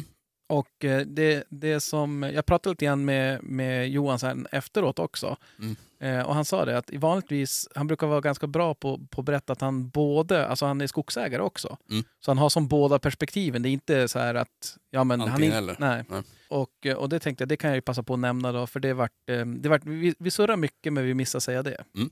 Så att eh, det är, eh, det ska sägas det med. Klokt. Eh, Och eftersom ni inte har hört det här Nej. så kan vi ju faktiskt göra som så att ni får säga, kommentera hans klok, kloka ord nästa vecka istället. Lite hemläxa. Eh, det kommer bli svårt för Krille som inte lyssnar, men i bästa fall kanske Jaktsnack podcast surra om det. Ja, precis. Så kan han lyssna via det. Exakt. Smart. Jag har ju slutat ringa Krille. Jag hör ju ändå inte vad de säger så det blir som samma lika. Ja, jo, nej, men jag såg det var någon eh, här, det var någon beef igång här. Att vi skulle passa oss och grejer. Ja, det är roliga. Oh, oh, vad rädd det blir! Men du sitter ju på en ö, du kan ju vara lugn. Jo, jo han låser ju bara kojan där. Så då... Ja, nej det där är... Men, men eh, har det hänt, jag måste ju ställa frågan, har det hänt något jaktligt? Nej. Jag var avlivat rådjur, det var, det är väl det enda jaktliga. Ja. Jäklar vad det flätt rådjur nu. Ja, jo men det finns gott om dem. Det är ett par stycken nästan varenda vecka nu. Men är det att de, det, det är E4, de går Mm. ut där? Mm. Ja, Och det är ju baskräp, alltså det är ju skrapa igen dem. ja jo, det, jag kan tänka mig att... Ja, eh, det, det, det, det, det får många nu. Ja, eh, vi får vara glada att det inte blir så mycket personskador i alla fall. Nej. Och det ironiska i sista var typ att det var 100 meter från Faunabron. Så Ja. att de har inte riktigt lärt sig att gå över där än. Nej, det är ju lite synd. Ja, faktiskt. Men, men eh, det känns ändå som rådjuren är farligare på att gå ut i öppningarna som är alltså till stickvägarna än vad till exempel älg är och så. Ja, det är det ju. Det är ju typ alla älgolyckor. Nej. Eh, Men rå, rådjuren är kanske lite dummare i det fallet. Ja, eller mer van folk, alltså att de inte är lika brydd om att det är så här mycket, Nej men så kan, ja, så kan det vara. mycket folk som Jo. rör sig där. Jo. Absolut. Men eh, nej, jag- för mig har det inte heller hänt något jaktligt. Men man är ju... Jag börjar fundera på det där björnjakt och sånt där. Nu i USA har de ju vårbjörnjakt. Mm. Och så att eh, n- någon podcast jag lyssnar på där är mycket snack om björnjakt. Och då blir man ju så här, bara undra. Det blir ju... Mm. Jag vet inte, är ni, är ni taggade inför björnjakten? Har väl inte riktigt hunnit tänka på det än riktigt. Nej. Eh, Nej men skit i det då. men det är så mycket annat just nu. Sommaren om man ska snickra och hålla på och jävlas med. Det är klart att sen i augusti då, börjar man, då, då blir man ju ivrig. Ja, ja det, Mm. nej, det är sant. Det är faktiskt det är galet mycket med allt annat utom jakt just nu. Mm. Och, och man är ju glad nu om man bara kan hålla hundarna i, i trim så att säga. Ja, få dem att inte vara så jävla rastlösa. Nej, nej, det, men samtidigt, nu idag, jag tänkte på det. De ligger ju bara och flämtar. De är, de är loja nu. Men alltså det där är ju, Jax är ju ganska klok jämfört med, med Zero. Mm. Så han går ju ner, han lägger sig ju här i källaren. Mm. Och här är det ju, vi kan se nu har vi, ja i och för sig det är 17 grader, men inte på golvet. Nej, enligt mina fötter så är det inte 17 på golvet. Nej. nej. Så att det, det är klart, han är ju, det är ju svalt för han. Men Ja. medan den andra ligger och flämtar där ute i solen. Så att det, Ja, Ja. Han kan ju gå ner han också om han vill. Men han, han har inte kommit på det. han har inte förståndet tror jag. Nej. Men, men, men, det Mm. må ju vara. Sen tänkte jag att vi måste ju... Vi har ju kommit in ett, ett gäng förslag också som em, på lyssnare som har tipsat om, om eh, husvagnar och sånt där. Mm. Vi har några stycken som vi, vi kollar på. Mm. Men eh, för all del, fortsätt skicka ifall ni, ifall ni vet av någon. Ja. Och ju närmre kall, desto bättre. Exakt. Eh, för det är ju en, en sån där grej som är... Och så har vi inte så superstora bilar. Nej, nej det är, vi, är ju ingen, vi har ju ingen sån här hundkåpa och sånt. Nej. Det är ju inte... Så vi får inte ha så stora vagnar. Nej. Eller nu när man tänker efter kanske en sovsäck skulle räcka. Usch, vad hemskt. nej, nej men kolla det, för nu börjar det ju närma sig eh, Västgård. Mm. Är ni taggade? Supertaggade. Det ska bli jävligt roligt. Det är faktiskt det jag ser fram emot Ja. nästan mest här i sommar. Ja, faktiskt. Och ska vi göra, om jag får vara lite fräck och berätta att vi ska som campa oss på vägen ner. Ja, ni, ah, okej. Alltså vi gör en liten tripp av jag och min kära fru. Ja, ja, men fasen mysigt. Ja, det, det ska bli trevligt. Jag har aldrig varit i Åre på sommaren så det ska vara Nej, spännande. det, jag tror jag, jo jag har varit där. Mm. Men, men jag kommer inte ihåg någonting. Så det, det, Du skulle kunna vara dit igen. Ja, ja, jo, det. nej, men, men eh, nej, det kommer bli jäkligt skoj. Och har ni inte redan planerat in ett besök på, på Västgård här, Mm. hur var det nu med datumen? När var det? Krille? 28, 29 juli. En gång till. Slänger ut ut. Ja, jag vet inte om det är sant. Jag måste kolla. Men vad pratar om det? Ja, visst är det? 28, Ja, 28, 29, 30. Ja. precis. Så att det är bara att och, eh, boka in det. Kom och hälsa på. Jag tänkte vi, i fjol körde vi lite tävlingar och lottade ut lite såna här biljetter och sånt. Mm. Det borde vi göra igen. Det tycker jag absolut. Ska vi, ska vi göra det? Säga det att vi lägger ut en tävling på, på vår Instagram Mm. som går ut på att man ska göra någonting. Det, det som ni hör är det inte supergenomtänkt. Nej men det ska inte vara. Nu, nu. Och det viktigaste är ju faktiskt inte att man är med och tävlar egentligen. Det viktigaste är att man dyker upp där. Ja. Så att, men, men vi gör en, en tävling där att man eh, ja, men antingen del, läs där. Man ska dela eller likea eller något sånt Mm. där. Eh, Jag måste kolla vad alla andra gör, upplägg och sånt där. Ja. Men, men där, man, där vi kan um, lotta ut några fri, friplåtar, heter det, Mm. till mässan. Mm. Eh, det var ju väldigt uppskattat i fjol. Och det funkar ju skitbra. Ja, ja, det var jättetrevligt. Mm. Och så kan man komma dit och gå, och gå på mässan och även komma för, förbi oss och kanske vi har någon, någon överraskning ytterligare också. Mm. Eh, så att, eh, gör som så, håll utkik på, på Instagram. Det, jag tror att vi kommer köra den på Instagram. Vi gör det. Och eh, nu vet jag inte hur det funkar. Det måste jag höra med dig Krille. Är det så att allting som vi lägger ut på Instagram kommer det på Facebook också? Man väljer det när man postar. Ja, nu har vi vem som får lösa det här. Instagramansvaret. Där ser man ändå kompetensen lysa igenom. Ja, Jäklar, han har koll på grejerna. han är duktig. Jo du, han är inte som tar bort loggan när han ska lägga upp en händelse. Så jävligt. Ja, det måste ni ko- kolla in det. Följ oss på Instagram Mm. om ni inte redan gör det och var med i den tävlingen. Det, det är ju superbra. Ja. Och eh, mest viktigt, se till och eh, besök mässan. Dyk upp.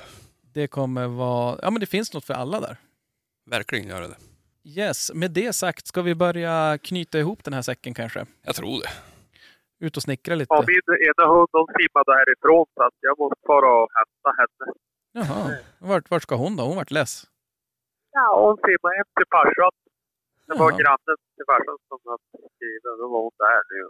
Det var då jädra. Hon Undrar vad farsan din säger nu då? Men nej, det, Ja, det kan inte vara vår... Det kan inte vara den hundret. Krille är ju där och håll koll. Ja, i sista gången man kunde vara här med henne. Det var ju lite tråkigt. Ja, det var ju surt. Ja. Det är första gången hon simmar därifrån eller? Ja, det tror jag faktiskt. Det är ändå en 700-800 meter att simma. Ja, helvete. Och Hon så hade med, hemlängtan. ja, men också med era vattenälgar. Det där kommer bli mycket simmande i höst. Ja, eh, men det, men det har hon varit tidigare ändå. Så, eh, hon simmade över Umeälven fyra gånger. Med en oxe. Jo, Oxen ja. dog. det var det. Drunknade ju till slut. Ja. ja. Nej, jag, jag filmade när de for över sista gången där han var då full fart på honom. Så blir det märkligt. De Nej. kyler bara ner sig lite så går de bara hårdare. Ja, nej, men det är, nog, det är nog sant och jag tror de trivs ganska bra i vattnet faktiskt. Jo. Ja, jo. Inte som en annan. Nej. Nej, sjönk som en sten. Ja, ja det är... Vet man, man ligger där på stranden på sommaren och så kommer en massa folk och knuffar i en för att de tror att man är någon strandad val där. Ja, för, nej, sluta. Nej, nej. Nej, det är så knubbval siktad på strand i norra Sverige. Sensation. Nej, Huvaligen. Ja. Ja, nej, men nu ska vi avsluta det här innan det blir för dravligt. vi gör det. Eh, tack för att ni har lyssnat och eh, fort... Ja, men just det, vi, vi ska ju tacka våra Patreons också. Det är ju super, eh, vi- supersnällt och vi uppskattar det verkligen. Mm. Så att, eh, stort tack till er som stöttar podden via Patreon. Yes. Och eh, ha en eh, fin vecka här nu och en... Eh, där vi hinner ut med ett till innan midsommar ju. Ja, det gör vi. Eh, så att eh, vi säger eh, ha det gott så länge. Vi hörs. Yes, hej! Nej. Hej. Jag hörde hon som skällde gäst Rune smög fast det var väst och jag stod kvar på post på Säterbrua Han svor och grumta som en gris. Det var för mycket busk och ris. Det enda som han såg var halve kua. Halve kua.